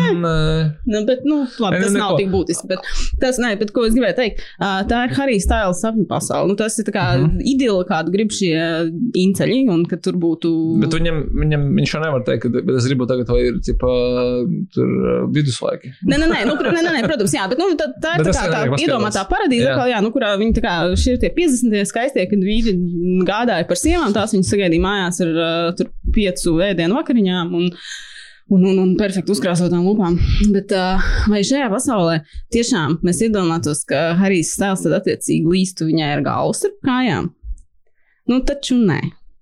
Jā, tu tā, ka nav arī Nu. pad, nav padomāts arī par to, kad, kad, kad tiek piedāvāts cilvēkam absolūtā vara, bet te pašā laikā uzreiz tiek uzlikt kaut kādi 11 ierobežojumi. Un, un, Nu, tas, nu, kāpēc? kāpēc? Es, es nestrādā produktu absolūtā kādā- kad, kad kāpēc gan vajag piekrist tiem ierobežojumiem? Un kādi tad jēga tiem ierobežojumiem? Kāpēc nav katru dienu cita pasaule vai kaut kas tamlīdzīgs? Nu, Nu, jā, tas, tur ir tas, ka tā pirmā filmas daļa kaut kādā mērā atbilst tam, kas ir par stāstījis par šo filmu, kas ir, ko viņi ir intervijās prezentējuši, un ko Mhm. mm. tur vēl par šo sievietes tur kontroli, ne, bet tur, nu, atzimšanu, mm. nu, Mhm. ka tas viss ir no tās sievietes perspektīvas, bet tas nav. Nu, ka tas nav tikko kā to visu uzzini, tas viss pavēršas pilnīgi citādi, un tas kaut kā nu, nestrādā. Un jo vairāk to domā, jo mazāk tas strādā. Tu atrod vēl vienu caurumu, vēl vienu ļodzīgu klucīti tajā visā. Es tiešām nesaprotu, kas, Un, kas, un, kas tad, un tad es jā, ka, kā es jūtu, kā tā patika pašas Olivijas valsts cēlonis šajā filmā. Viņš bija weird. Mazliet. mm. Okay, nu viņa, ziņā, viņa spēlēja to tādu, nu, tādu pārspīlēto 50. gadu to mājasaimnieci. Man, man tā kā, un, un kad atkal jau saku, Bet arī par viņas to personāžu, nu, tur Jā, arī jautājums sen- domā, tieši jautājums ar scenārijiem par to, ka viņš tik ļoti izslavēts, ka, ka oh, mēs būvēsim tā kā jaunās mājas kaut kādas, kā, un pēc tam tu, saproti, ka tur, kā, ah, jā, tur būs tikai jaunie klienti, vai tā kā, es ka viņi saka, es jau zināju to visu laiku iepriekš, tā kā, jā, es man likās, ka tu zini tā, ka tu un es pati piekrītu. Es domāju, tas tāds, man šķiet, ka tas tā kā abets kaut kāda, nu, tā kā scenārija, ka tu Nu, viņi jā. ieliek kaut ko, un tā kā, oh, un skatītājiem jau patīkami, ka viņš tā kā bija uzmanējis, bet tas ir, nu, tas ir tik ļoti primitīvi. Nu, tur pirmkārt, viņa tajās pēdējās desmit minūtēs sastūķa drausmīgi daudz kaut kādas pēkšņi tur pārsteigums. Jā, izrādās, viņa tur visu ir zinājusi kaut ko, kas īsti tur atkal, teiksim, ja tu tādu lietu ieliec. Tev kaut kā prasītos, ka tu dod tur tos acis smiedzienus, bišķiņi iepriekš, lai skatītājiem arī ir interesanti, ka viņš tā kā, nu, ka, ka tu teici, ka tu varbūt uzminēji to, vai tu pamanīji, lai mm. tur ir kaut kāda tā gandrības. Tad tas viss tā vienkārši vienā brīdī viņi tur tā sāniski noskatījās, un tas bija arī viss. Nē, nu, bija ko skaidrs, ka kaut kas neķip ir, bet tas, Nu, tas jau ir iekārtot visu. Tu kā domā, šitā būs tāda, kas pēc tam pateiks, ka es ķipā, I, I was in, in on it all. Nu, un tā, jā, bet nu, tur kaut, nu, kaut kas tur arī līdz galam nestrādā. Vai arī, teiksim, Džēma Čāna pēkšņi. Tā kā, nu, tā kā, kas es gribēju to tieši paprast. Tagad es būšu kāpēc, kāpēc viņa novāca? Kristu Paimu? Kas, es nesaprotu, kas notika. Viņa, viņa bija obviously in on it. Un kāpēc viņa beigās viņa novāca? Ja viņa, tā kā, viņa bija in, bet viņa arī bija apnicis, bet viņa gribēja, bet what? Es brīdī. Nu, tā kā, tā kā okay, es saprotu, ka bija vajadzīgs twists, ka tūlīt viņu novāc tā kā savēji, apmēram kā, kas negaidīja. Jā, bet kāds ir viņas motivators? Ja iepriekšējā ainā viņa viņu aizstāvēja. Un, Jo, un what mērā, happened? tāpēc, ka tu tajā brīdī, kad tu to skaties, nu, tu esi redzējis Stepfordas sievas, vai ne? Tu Jā. atceries to, to twistu, ka beigās uh, tur īstenībā Glenn Close bija tā, kas bija visu to pasauli uztaisījusi, un ka tur Kristofers Valkins bija robots. Es, es arī spēlēju. Bet mēs nezinām, vai tas bija iepriekšējā versijā. Nu, tas bija tajā Nikola Kidman. Bet, uh, un tad tu gandrīz gaidi to, ka īstenībā Džema Džona ir tā, kur ir visa tā masterminds, tu- un ka Kris Pains ir tas. Uh, Bet mums jau ir Olivijas Valdes varone, kas jau tā kā zina, tā kā, nu, kas ir inonīts. So, nevar būt divi tie varoņi, kas ir inonīti, Nu- bet viņi ir tur divi, un viens no viņiem, nu jā, ja būtu masterminds, tad vajadzētu būt tā, ka tas ir tā kā to, ko tu negaidi. Bet, ka skatītājs, tas ir tik ļoti klišejs scenārijs, skatītājs nevar tā kā, nu, pārvarēt divus tādus. Viņam ir vajadzīgs tas, tipa, arhetipa varonis pēc šīs scenārija loģikas. Un, nu jā, es uh, I just didn't get. nu, tur, jā, un tur kaut kas galīgi nestrādā. Un man diezgan normāls smieklis nāca par to, ka pēdējās 15 minūtēs šī filma kļūst par tādu Mad Max Fury Road, tikai budžeta versiju, ka viņi dzēnas cauri tam tuksnesim un tur tās mašīnas sprākst. Un, un tur pat vienā brīdī tā mūzika avārija. sāka skanēt tā kā. Nu, tā Jā, kā mūzika Max bija stilā. interesants. Tāds, bet arī, Nē, mūzika bija ok. Tas, tam tā, tā, tā montāža, cipa, tā kā tā uz mūziku, tā, bet tas, kā, es atceros, ka es tā kā bišķi atdzīvojos, tā bija, tā kā, oh, cipa, bet, bet tas at- atgriež mums pie tā, ka tā kā man jau bija tā, ka, nu, tā kā rādiet man to visu, un pēc tam, nu, tā, ka tu sāc ceļot garoicīgi reāli, bet nevajadzētu, tu saproti, ka nevajadzētu būt, tāpēc, ka tev viņi, nu, nu, Jo tas Jā. filmas pacings nestrādā arī tāpēc, ka, nu, saku, es domāju, ka lielākā daļa skatītāju ir kaut kādā līmenī uzminējuši to twistu jau. nu, it's sen. our dream, vai Nu, tie jā. ir roboti, vai tā kā. Nu, tur ir tehniskais skai- jautājums tas ir Truman Shows, vai tas ir jā. Matrix, kā kāda starpība, lai tas viss ir palielam viens, jā, Nu, ja tas ir tieši tas pats, ko Toms minēja, ka, nu, ka tie nav realistiski cilvēki vairs. Nu, ka tur nav kaut kas ar viņiem kārtībā, ka tas viss ir kaut kādā veidā kaut kur samahinēts un ka Jā. tur ir kaut kāds tam kontrolējošais stāsts aizmugurē. Nu, tas ir tev sen jau skaidrs. Mhm. Un tad tā rezultātā tas filmas lēnais temps līdz tam twistam Šodien tik ļoti nogurdina. lēns, cik ļoti viņš ir jocīgs, kad, uh, kad ir kā, ir kā notiek, kaut kas notiek. vēl, kas- nav, jā, bet, jā. bet tā kā tev paliek garoicīgi, tas, ka, ka tev gribās tā kā, nu, tā kā ātrāk. Bet tagad notikumi notiek, nav tā, ka tur ir tā kā ļoti, ļoti, ļoti lēna vai, teiksim, kaut kādas, nu, laikam, tukšsainas tur ir. Jā. Tur, jā, tur tā kā nu, Nu, jā. neizprotams. Nu, un, un tāpēc man beigās, beigās tas, tas sajūta vēl sliktāka nekā varbūt, ja mēs nezinātu visu tos, tos backgroundu. Nē, kā. Tad tā būtu ja ja tu- jocīga filma, jocīga tā. Es domāju, nu, kā, ja tu man jautā, vai šī filma ir tāda drāmas vērta, tad es Nu, teiktu, nē. es teiktu, ka jā, tāpēc, ka šī filma ir tieši tikpat mesīga kā visa tā drāma Nu, ap tas gan viņu no tāda viedokļa. Bet, zin kā, ja viņai nebūtu viss šie ārpus skandāls, domāju, mēs vienkārši viņu ļoti ātri aizmirstu. Mēs par viņu nemaz tik daudz nerunātu. Līdzīgi kā filmā. Viņai iznāktu. Heredity ar Miklu Mahoniku. Nu, vienkārši nosies tā kā jocīga filma ar ļoti jocīgu twistu. What the fuck was that? Neko nepaskaidro, bet. Šis šis jau īstenībā gandrīz ir Move on. Gandrīz Serenity twist Jā, tas ir. Nu, tā ziņā, ka tas ir tā kā jocīgs, twists jocīgā filmā. tā Kā, tas nav tā kā labs. Un uh, tas nav tā tā izklaidējošs. Lai gan Tas, Nu, tas nav arī tā, nav ka. arī līdz uh, galam izdomāts. Nav, bet, nu, jā, man atgādināja, mm, es nezinu, vai tu esi redzējis seriālu Gossip Girl no sākuma līdz beigām. Nē, Es esmu. tā bija beigās kur tā kā, what? Un tad tu saproti, ka neviena sērija vairs nestrādāja. tur nav, nav, ah, nē, Tur nav zinu. divas jā. stundas, tur ir sešas sezonas. Es saprotu, ka vienkārši, vienkārši viņi izmet twistu, twistu pēc, kā, what? It was kā him all along, bet, bet, bet, un tad visi aiziet jau beigu titulu, un jau tev piedāvā nākamos seriālus skatīties, jo šis ir beidzies, un tad nav laika domāt, no time to explain, vai ne? Šeit tā, ka jā, un, un galvenais tas, ka jo vairāk par to domā, jo tu tā kā sliktāks paliek Nu, iespējas. jā.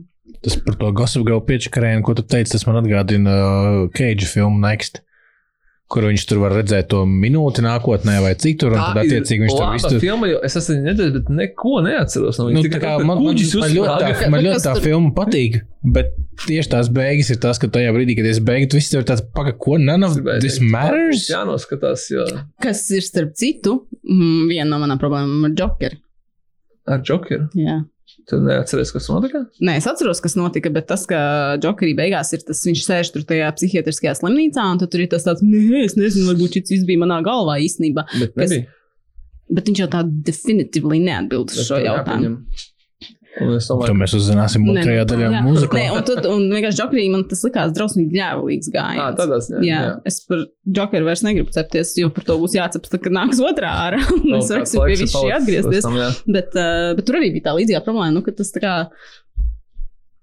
Kino suns tik Fil, filma beidzās, un tagad tev ir tāds vienkārši tad kas ir tas, ko es skatījos? Tas tā kā ir non-existent. Jā, tas ir, tas ir īstenībā, bet par to man šeit arī esmu klausies. Cit- cits scen- twister scenāriju žanrs ir. podkāstu, ka tas ir tā, ka tas tāds man šeit ir ļoti vāji, ka tu tā kā, wow, bet, bet viss, tipā, tam visam nebija nozīmes, bet tad jādomā par to, ka cilvēks ir noskatījies, un varbūt, ka uh, ne visi cilvēki ir tādi kā mēs, kas sēž tagad un kaut ko vajag analizēt, un tev vienkārši bijis pusotru stundu, tu gribi vienkārši nosties filmu, un tu neesi satisfied emocionāli. Tas ir stūbi ļoti. Tas, tā, kā, tas, tā, kā, nu, tas noteikti ir, uh, nu, tā ziņā, ka tā kā, tas nav, nedara tev beigās cieņu kā scenārija autoram, ka, kā, wow, kā es jūs tikko piemānīju, viss, jā, bet cilvēks noskatījās, cipa, no ko tas notikums, a, a, tas viss bija no serijas sapnis un nepavelti. Pat toreiz, kad Dāvasā uztaisīja, ka tas viss bija sapnis, cilvēki reāli randoja un gāza otrādi pasta nodaļas, vai kas tur notika. Nu, ka bija rājati kaut kādās pilsētās, ka tā kā jūs mums apvisāt gadu, jo mēs skatījāmies sezonu, kuras nebija. Un, uh, un nav tā, ka jūs esat baigiet, cipa, nāži, nē, es vienkārši mums piečakarējāt. Un tāpēc, jā, man nepatīk tāds filmas, kur viss izrādās, ka, nu, ka tev tā kā, tā kā, haha, kā mēs pirmajā, tas viss nebija, bet tad sāk, ka tas viss ir tā kā for nothing, un tur nav īsti attaisnojumi. Tas nav tā, ka nedēļ, cipa, tur. Lēts cliffhangers. Nu, jā, Lats Cliffhangers. Lats Cliffhangers ir, domā, kaut kāds remakes ar Stavonas filmai? Kurš filmēts Harry Styles jo viņam nav naudas kalnu. Harry Styles is Sylvester Stallone. Bet uh, atgriežoties, droši vien mēs varētu tādā skaistā aplī noslēgt šo sarunu. Atgriežoties pie Harija Styles, zinu, ko es visu filmu domāju, pa laikam atcerējos. Es vienkārši tā kā te, teicu paldies, es nezinu, kādām Lucky Stars un Denzelam Vašingtonam par to, ka viņš nepaņēma Basas Lurmans beigās Harija Styles Elvis lomai, ka viņš tomēr izvēlējās Austin Butler. Denzelam Vašingtonam, tāpēc, ka Denzels Vašingtons tā kā neaicināts pats, neviens viņam to nelūdz darīt, piezīmēja Basam Lurmanam, pateica, ka viņš bija bijis ar Austin Butler izrādē kopā. Un, ka, hei, ņem šo čālu, viņš ir rīktīgi strādīgs un rīktīgi labs, un ka tā bija tāda negaidīta Man man. rekomendācija. Man. Tāpēc Denzelam Vašingtonam tas nebija Es vienkārši. domāju, ka šis un Tā kā tādam teicis, ka viņš ir bijis dēlam. koncertā kaut kādam populāram džekam, bet kā, es dzirdēju, ka tu gribi, nē, nē, nē, nē šito, tā kā nevajag, tā kā man, nē, nē, man. tur bija- He's not my man. Nē, tur bija tieši pretēji. Viņš vienkārši piezīmēja, un Bas Lurmans nesot nemaz pazīstams Denzelu pirms tam. Viņam esot bijis tāds, tāds, jā, nu, ka tad jau tiešām, ja jau viņš tā vienkārši man piezīmēja. tā kā- Un, tā kā, un paldies Dievam, jo iedomājies, cik drausmīgi tas man Jā, liekas Nu, būs bijis. par vis, jā. Bet vismaz kādām sešām reizēm mazāk to filmu būtu redzējis. Jā. Kad tu pazvani, tā kā telefons bazē, un ho, ho, ho, it's Denzel Washington. Un es kā, come on, dai, taču tu nost, ka, a, kur tu dabūji numuru? Nevar būt. tā Kā, Es jau- es- es- ko Kids, izdarīs? stop prank calling me. kā? Es, es ar draugiem arī šito tieši arī teicu šodien, un mēs smējamies, ka, es, es, nu, ka daudz no mums vienkārši nepacēla telefonu, ja zvana nepazīstams numurs. kā- Tur izrādās, Tur izrādās, ja domāju, cik tu zvans no Seši Denzela varbūt, ja esi. zvani kaut kāds amerikāņu numurs, tu, kā tu tur ņemies. Nu, nē, es vakar tieši iedomājos par to, kā visi tie Harijs Tāsa fani to nākamo viņa filmu skatīsies. Man jau liekas, trailer līmenī tur bija tā diezgan skaisti viss. Nu, Nu, viņiem būs graut. jāapelnē Viņi Džefa jau- Bezos straumēšanas servis. Lai gan, ā, lai gan jā, kas man likās interesanti, mums bija, kā mums bija kinopolcēns diezgan daudz cilvēku, kas tur parasti nenāk uz mūsu sensiem. Viņi gāca uz Harijs Tāsu, bet viņiem bija izklaidēti un viņiem, viņi smējās par Harijs Tāsu. Tas tā, tā, pozitīva, kurā ziņā tur bija tādi viņa acting momenti. Mums bija izklaidēti. Tāpēc es domāju, ka viņi arī to nākamo filmu apēdīs un būs jau. Bet man atgādāja par to, ka, jā, vai Davids Serviks varētu. Es, es domāju, es, man nesakrīt viņa viedoklis, bet tagad par šo Nē, tā filmu. nebija viņa recenzija. Tā nebija viņa, bet viņam bija nē. komentārs man šeit par šo filmu, ka tā kā ļoti, slikti. Viņa, domāju- ne, viņa komentārs par uh, tweets? Don't Worry Darling bija, viņš viņu nosauc par uh, White Mirror. Ah, ok. Īstenībā ļoti labs apzīmējums ir filmai. Jā, Black Mirror seri, nepārāvākā sērija izstieptos, bet no, tur bija tomēr pārdomātāk par kaut kādas lietas. Vai arī viņi nemēģināja paskaidrot, tā ziņā, ka nemēģināja to tā uzcelt. Tas, ko es šobrīd nevaru saprast, ir noklausoties šo jūsu sarunu. Es varu letterboxd atzīmēt, ka es esmu šo filmu redzējis un ielikt review, ka tas ir kaut kāds, nezinu, tā kā skatīties degošu miskastu vai, vai, vai, vai kā. Bet es nezinu, drīkst, nedrīkst, nevaru saprast. Jā, es domāju. Nu, man, nezinu, kā, es uh, uz Letterboxd skatos tā kā, tā kā it's your party, tu vari darīt kā tu gribi. Tas gan jau. Uh, mēs esam sākumā runājot, tieši bija atvērts ceļā, tagad es pamanīju, ka man atvērts ceļā taps ar IMDB, kad uh, šo filmu ir filmējis operators Metju Libatiks, tas, kurš ir uh, pastāvīgais Darena Aronovska foto, uh, operators, Black Swan, Requiem for a Dream, P, Pie, The Whale. Uh, tā kā jā, ļoti, ļoti smuka filma tā. Nē, nu, saku, no tā tehniskā viedokļa, tur, tur visi, teiksim, kostīmi, visi jau tur ļoti, filma. tā jā, tā Tā ir tāda izstāsta Hollywoodas labi. studijas filma, tur it's ok. Man ļoti iepriecināja, ka vienā brīdī Florence Pju bija gandrīz tieši tāda pati kleita, kā man ir mājās. Tad, kad viņa ir tajā melnajā kleitā, kur viņa izlien ārā no tā busiņa un skrien, man tāda ļoti līdzīga kleita. Nu, tur vēl cits daudz Nu, ļoti smags bija. Tu, es teiktu, tu varētu, teiksim, jau to kvalitāti skatīties vēlreiz to filmu, ja tā būtu laba Mm, filma. Bet, laikam, jau, kad nebūs šoreiz, nē. Tā kā Piedodiet. nāks otrā daļa ārā un būs uh, Vai double nes? feature. Don't. Tu domā, ka viņi pierunās Florence vēl vienai? Bet, tā kā, tas foreign. būtu tā kā neraizējies dārgā, un tad būtu otrā daļa neraizējies dārgais, jo viņi būtu otrādāk ielikusi viņu kaut kādā tajā aparātā. Bet angliski jau tas tā kā būtu, nu, vienādi. Don't worry, darling. Don't worry, honey. Bet tad pašā laikā mums ir filmas. The Fast and the Furious un Fast and Furious un cilvēki it kā nejauc, vai mums ir filma, nē, labāks piemērs - Scream un Scream. un tas ir dažādas filmas, uh, vai gan, vai izārdēji, vai ne? Tā kā uh, pēc dažiem gadiem mēs gaidām Don't Worry, Darling. Varbūt šoreiz ar komatu. Don't Worry, Darling.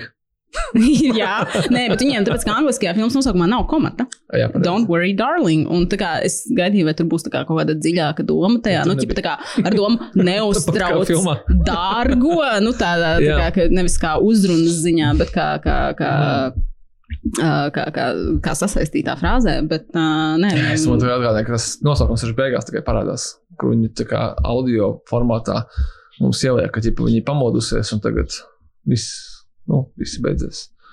Vai izit? Tas man liekas, ka čīp, kā, ka, nu, ja viņi būtu uz jautājumu zīmes atstājuši, ka, ķipa, kas tur notika, tad kaut kā man liktos, ka, kā, nu, jūs tur kaut kur aizgājāt pavisam šīzā, bet, nu, labi, nu, tā kā vismaz, bet tas man liekas kaut kā tā, ka, nu, nē, mēs jums visu paskaidrosim, viss ir labi, bet mēs. Nu, jā. 3,5 no 5.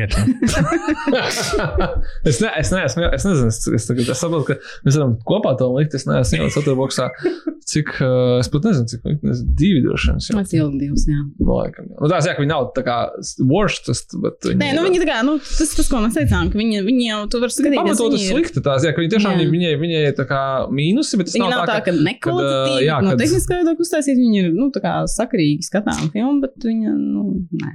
Jā. Bet tagad mēs zinām, kāpēc Kristis Pains tajās mēmēs tā skatījās. Viņš bija redzējis filmu, viņš jau tā kā Jesus, fuck, nē, ko jūs tagad prasīt? Tu viņu prasīs dažiem par to visu, prasīs, prasīs, nē, nē. Nu, kā viņš, viņš filmē, es nezinu, viņš piecās ainās. Viņš tur ir. Nu, Nav baigi daudz, Viņš jā. nav gana daudz, lai viņš kaut ko varētu saglabāt. Viņam ir pāris tās ainas, kas interesants ir ar Florence Pju, bet viņas nav gana daudz arī, lai, lai kaut vai tādā, es nezinu, aktieru mākslas spraiguma ziņā vismaz kaut kādā līmenī to glābtu. Jā, tas Prasās vairāk, tur ir tāda mazuma ka tā kā-.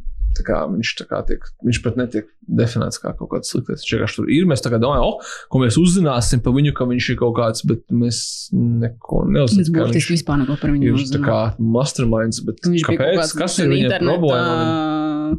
Kurš? Influencers. Eh, Jā. Nu, neko darīt. Nu, gadās arī tā. Bet uh, uzrakstiet mums, ko jūs esat. Cik ļoti jūs mums nepiekrītat? Vai, vai piekrītat, vai nepiekrītat. Jā, tas ir interesanti. Filma rais- raisīja diskusiju, bet varbūt ne tādu, kuru mēs bijām gaidījuši. Pastāstiet, kāpēc Harijs Stals ir pelnījis Oskara nomināciju. Par dziesmu? Vienīgais mums ir, kā viņš varētu dabūt Oskara nomināciju. Nē, vienkārši nē. Oh, I'm sorry. Did I break your concentration? Atgādināsim, kas mums vēl ir interesants. Noteikti, kamēr šo klausāties. Ah, mums ir ziņa par to, ka, kad ejiet skatīties avatāru uz ēla ekrāna, tāpēc, ka tā daudz ilgi nerādīs. Bet, ja gribat paspēt, tad tomēr aiziet, tomēr, nu, kamēr, kamēr nav otrā daļa iznākusi. Atslēdzot. Bet es tā domāju, ka, ja cilvēki pat nesteigās, nav nesot soldāts uh, avatāru seansiem pirmās daļas, man tāda sajūta, ka tas vispār netraucēs otrai daļai. Nu, tā ir tāda filma, ko vienkārši cilvēki varbūt nav neskrien skatījies vēlreiz pirmo daļu, bet viņi aizies noteikti noskatīties otro. Nu, tā.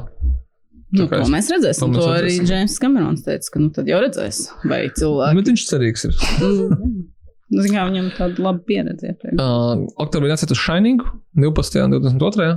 Varbūt arī vēl kādā datumā, bet pagaidām šie ir tie, kas ir paziņoti, kā arī o, vēl daži seansi cīņas, ko Interstellaram. Jā, viss pareizi. Tieši tā līnija māja galva, bet viss ir jau iel- ielikts tā kā varat. Es ne, neatceros datumus, bet gan jau atradīsiet kinokults.cl slash fight club. Un uh, vēl ir kaut kādas dažas, dažas desmit biļešu palikuši uz The Room seansu 28. oktobrī, bet īstenībā jau mums uh, brauks ciemos Gregs Sestero, un mēs neteiksim, ka tas ir The Room seans, tas ir Miracle Valley seans, viņa režisētā filma, kurai bonusā nāk The Room, bet, nu, kā lai saka, ja aktieri grib, lai mēs tā sakam, tad mēs tā arī teiksim. Kur bonus ir Bet plakātā, bet plakātā mums būs Tomijs vai Zola. bet mēs arī, arī vienojāmies ar viņu, kad mums ir vajag pārdot biļetes, bet mēs visi nostīsimies Miracle Valley un teiksim, wow, cik krūta. Mums runa pat vispār neinteresē. Nu, vai arī interesē, noskatīsimies pieklājības pēc, teiksim tā. Ka tajā filmā būs mazais jaukais robotiņš. Būs Miracle Wally. Miracle Valley? jā, jā, jā. Wow. Disneys noteikti viņam būtu ļāvis to darīt. Tas tā, tu, Ja tu tā, naivums es, savā negribu, es negribu sagraut tavas cerības, tā kā to mēs uzzināsim 28. Fingers oktobrī. crossed. Nu. Uh, tas arī viss šoreiz. Tas bija podkāsts par to, ko mēs esam noskatījušies. Tā bija filma Don't Worry, Darling. Un, ja jums šis podkāsts patīk, ko? Viesis. Jā, pareizi. Viņš patīkamākā segmentā nekā Don't Worry, Darling, nolikšana. Bet, nu, pelnīti, viss bija pelnīti. Mēs, mēs tā turamies pie saviem vārdiem. Tad arī solīta intervija ar ā, producentu Richardu Braunu, kā jau mēs mazliet ietīzojām, Auto King ā, nepieminējām, pieminējām True Detective pirmās divas sezonas. Viņš ir, nu, un attiecīgi šī brīža viņa projekts This England. Ā, Skatāmies platformā Vieplay, bet tur ir kā vienmēr kāds interesants stāsts. Un stāsts bija tāds, kad Vieplays mums piedāvāja, ka, hei, jūs negribat varbūt nointervēt režisoru, ir tāds Maikls Winterbottoms, un mēs tādi, Maikls Winterbottoms ir mūsu čoms, tāpēc, ka mēs esam izplatījuši Latvijā viņa filmu Trip to Spain. Nebija baigi veiksmīgi, kas ir interesanti, ka tagad jau atklāt, ka Trip to Italy bija komerciāli veiksmīga filma, un Trip to Greece laikam arī, bet nu, tas jau šeit bija tādā kaut kādā puskovidu laikā, un tā tā, ka Trip to Spain nepārāk, kas laikam liecina par to, ka vienam cilvēkiem nepatīk Spānija tik ļoti kā Itālija un uh, Grieķija, vai nu mēs neprotam strādāt. es domāju, ka ir skaidrs, ka cilvēkam nepatīk Spānija tik ļoti. Nu, un tad mēs tieši bijām, es domāju, nu, tik forši, ka es varētu iesākt ar interviju ar Maiku Winterbotomu, ka mēs taču izplatījām tavu filmu un tad skatījāmies tavas filmas. Ar sliktiem rezultātiem. nē, nē, es kā galvenais, ka cilvēkiem patika. Tu zini, kas tu toreiz bija? Es atklātu vēlreiz. Mēs viņu rādījām toreiz uh, Sergejam Sato tagadējās sievas Agnes Klēnas pasākumā. Un mēs, kā būdami pilnīgi vājprātīgi kino fani, mēs toreiz dabūjām tiesības uz filmu un pašu filmu, bet mēs nedabūjām titrus. Un tā kā viņi abi divi toreiz tur brīti, kas runāja, tad mums nācās ņemt seriāla titrus, atceries, Lieva? Un mēs tos seriāla titrus pārtaisījām par filmas titriem, pirms mums bija atsūtītas uh, filmas uh, tūkošanas lapas. Un tā ziņā, ka tas vienkārši vaiprātīgi bezjēdzīgs darbs, kaut ko kombinēt, bet kā mēs tik ļoti gribējām viņu parādīt īpašā pasākumā, es nezinu, vai es to stāstītu Winterbotam, man šeit pilnīgi nav vienalga par to. Bet viņš ir foršs režisors, un joprojām es ceru, ka mēs viņu varēsim par šo visu parunāt, un par Trip to Spain, kas tas panākumi jau Latvijā, jo kaut kādu pusotru stundu pirms plānotās intervijas, kurai es gatavojos vēl mm, šeit daudz apzinīgāk nekā Konijas Nilsens intervijai, jo nu, tomēr man likās, ka, kā, ka Maikls Interbatams no, no, nopietnas cilvēks, viņš vienkārši savodīs uh, kaut kādu bušitu, ja tad, uh, es nezinu, varbūt viņš arī savodīja, mums vienkārši atcēla tā interviju. un teica, ka Maikls Interbatams ir saguris un netiek vienkārši un, un nevarēs. Un, Viņš paskatījās tos uh, apmeklējumus. Es gribēju teikt, viņam ir tāds, wait, who is this guy? Oh, wait, what? No, no, Trip no. to Spain number? No, no. Underperformed Latvija. Savu, savu mums teica, ka vai nu runāsiet ar Richardu Braunu, vai nu nerunāsiet vispār nevienu. Un mēs uh, patiesībā forši sarunājam, tāpēc, ka citādāk mēs nebūtu nekad parunājuši ar Richardu, nebūtu izstāstījis par savu NBA projektu, mēs neuzzinātu par auto Kinga aizkulisēm. Un es domāju, ka mēs noteikti vēl parunāsimies kaut kad ar Michael Winterbotam, ja būs tāda iespēja. par kaut, kā, kaut kādu, kāds, kāds vēl trips mums ir gaidāms. Lai gan cilvēkam pateica, ka nebūs vairs tripu. Ja? Redzēsim. Bet tikmēr uh, jūsu uzmanībai intervija ar producentu Richardu Braunu, kurš ir producējis This England. Nice to meet you, Sir Jace. Nice to meet you. And uh, straight to the point, uh, I was looking at your background and I see that you come from the music videos and then you made the jump to producing uh, and the films. Uh, I wanted to ask you that uh, after such series as A True Detective and uh, Catch 22, what attracted you to this particular story, which is very real and very in the current events? I'm, I'm really always looking for interesting stories to, to be involved in telling. And the events of the last, you know, two or three years have been an interesting story for all of us. Um, this particular series was an attempt to engage with these events um, and explore the events from behind the scenes. And that seemed like a, some, a project worth, worth, worth embarking upon. What would you say were the main differences between uh, a completely fictional story, such as True Detective, and a completely real story, which is, I guess, not even over yet?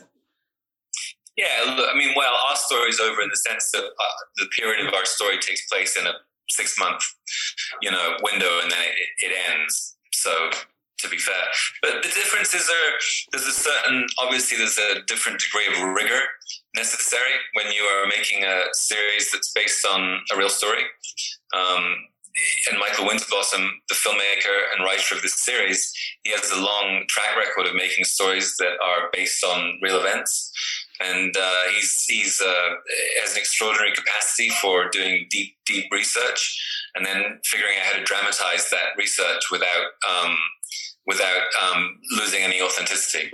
So I was really fortunate to be working with a director who is who is a master at this particular art form, if you will. You know, and if it wasn't for Michael Winterbottom, it's unlikely that we would have made this series. But it was the, it was the case of the right filmmaker and the right and the right story having not seen the entire series, but uh, I can only guess, uh, as you said, that uh, this particular story is over.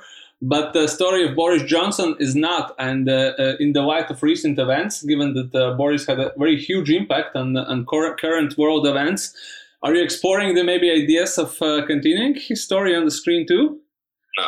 No. this is it for you. I think we've done it. Yeah, I think we've covered. We've, and also, just to be clear, he was in charge of England at the time when the pandemic arrived. However, it's, it's it's this is not a biopic of Boris Johnson. You know, this is a, a story that attempts to unpack what was going on behind the scenes in the pandemic from multiple perspectives within the scientific community and the medical community, and of course also in politics. Know, so. Okay, yeah. So sorry, I, I wasn't uh, trying to import it. This is only Boris' story, of course. But uh, to to end this part, uh, have have the Boris Johnson seen the series or had any comment? I, I, don't know if he's seen it or not. I have heard that he was pleased that Kenneth Branagh was playing him. Okay. that's, that's, as much as I know. So, yeah. Who wouldn't be? Uh, um, I had a question, uh, and I have to ask you uh, about your project, The Auto King, which is, I think, uh, still one of the best uh, films on Netflix, one of my favorites, and uh, sadly not in cinemas, I would say, as a, as a big cinema fan. could you please tell me how did you get involved with this project and how it came together? So I, am Scottish myself, um, and the director of the film, David Mackenzie, is Scottish, and he and I were developing a different project together. And then he told me he wanted to make a project, uh, a film about Robert the Bruce, and he to, to make the film he had in his mind, it had to be very um, large scale and very expensive, therefore. And our timing was was was fortunate because um, Netflix had started financing films at this time, and they, they obviously were not afraid to spend you know have large budget films. So they were they were fans of David Mackenzie, and they uh, they read the script and they immediately said you know we'd love to make the film. And literally two weeks later, we were in Scotland preparing to shoot this epic film. And, and, it was interesting to go home and make a film on that scale because, you know, I grew up there and um, I'd forgotten that it, it, rains every day in Scotland. And, uh, and, and it's beautiful when it's not raining, but it's not often not raining. so, you know, but it was great. It was a great experience. To shoot in the Highlands of Scotland was beautiful. Yeah because yeah, I guess that's is the flexibility of Netflix of giving you the budget and just go off and uh, yeah, they were film. they were super supportive. They could not have been more supportive, honestly. So yeah. Thanks. And uh, lastly, I have a question. If you can answer it a little, a little bit about your next project, you are making uh, a series, if I'm correct, about the NBA in Africa, which is, yeah. I think, as far as you can go from Scotland as possible. That's true, yeah. Yeah, it's a documentary series about the launch, the creation, the launch of a new basketball league in across the African continent um, that is that is operated by the NBA. And Amadou, I think, has always believed that um, if you can create a sustainable sports ecosystem on the African continent, in success, it can be transformative in a number of ways. Um, and you know, this, it's really the story of the launch of the league, and the, the launch of the league was 12 teams from 12 countries. And because of the pandemic, it was in a bubble. So I, I immediately understood there was a possibility to film inside this bubble and to capture the extraordinary diversity of the African continent because I feel that the average person is perhaps um, not doesn't know enough about Africa, and maybe they feel that Africa is a monolith as opposed to being 54 countries, completely different from each other. And so we had a lot of fun exploring the different personalities and the different um, you know types of characters within the, the continent that, that we're playing in this league. It was, it was very inspiring, inspiring project. When is it coming out? Uh, we're hoping, aiming for March of next year, which will be right ahead of the next edition of the league. So, yeah. Okay, it sounds absolutely unbelievable. Something very exotic, but grounded in the world of NBA, which is uh, understandable. Very interesting. You know, Barack Obama is an advisor to the Basketball Africa oh. League. And, you know, they're taking it very seriously. And a lot of the NBA players from America are, are, are getting involved and participating and coming to Africa to, to explore what's going on. And it, it feels like something that's going to that's gonna, um, grow tremendously. So it's good. Thank you very much for your time. I guess that's, that's it for me and um, we're looking forward to it. Thanks, man. Thank you. Alrighty then. Nu, tas arī viss šajā reizē. Paldies, ka klausījāties. Ja patīk podkāsts, tad jau zināt, kas jādara. Un, ja gribat atbalstīt mūs, tad uh, kļūstiet par patroniem. Būs tiesības mūs kritizēt. Uh, nu, legāls. Uh, nu, tagad jūs varat to kritizēt, bet mēs neņemam to vērā. Bet, nu, pastāstiet par podkāstu saviem draugiem, aizsūtiet, kā foršajās jauniešu komēdijās, kur ir telefonā tā poga to all, un klases biedri saņem, un skolotāji un direktors. Un klases biedri, mamma, visi saņem to ziņu, bet tikai nevis jūsu kaut kādas plikbildes, bet linku uz podkāstu. Es tieši gribēju, ka šobrīd atsauties uz to revenge filmu Netflixā. Ja? Tur bija tā, ja? Mums tā, Mūsdienās tā, tā bija, jā, ka visi skolu saņēma vienu video. Skaties, uh, autopiks uh, tajā outro segmentā, kad uh, agrāk nebija tādas tehnoloģijas, bet visi zināja, ka tā noteikti var izdarīt, ka nosūta telefonā visiem, ko tu pazīsti, un kad mums tagad actually ir telefoni, kuri noklausās visas mūsu sarunas, un viņi zina visus mūsu draugus, kam mēs gribētu vai negribētu aizsūtīt, tādas iespējas vairs nav, un filmās arī to vairs nerāda. Tas ir tāds interesants paradoks. Uh, bet, anyway, uzrakstiet recenziju Apple podkāstus uh, vai citā podkāstu platformā, kur jūs mūs klausāties, bet ar vienu nosacījumu, ka jūs mums ieliekat piecas zvaigznes. Ja nē, tad nu, netērēt savu laiku. Un, uh, jā, šī podkāstu direktors, kā vienmēr pateicoties Tomam Cēlēnam, kurš nav redzējis Don't Worry Darling, bet ieliks viņam Letterboxā cik atzīmes Tomam. Nu, kaut kāds divs es tā dzirdēju, ka jāliek. Ja? Liekam, divs. Viss kārtībā. Dzīvējam tikai vienreiz, kā saka. Nu, no kinokoda komandas paldies jums par uzmanību, par klausīšanos un līdz nākamajai reizei. Atā!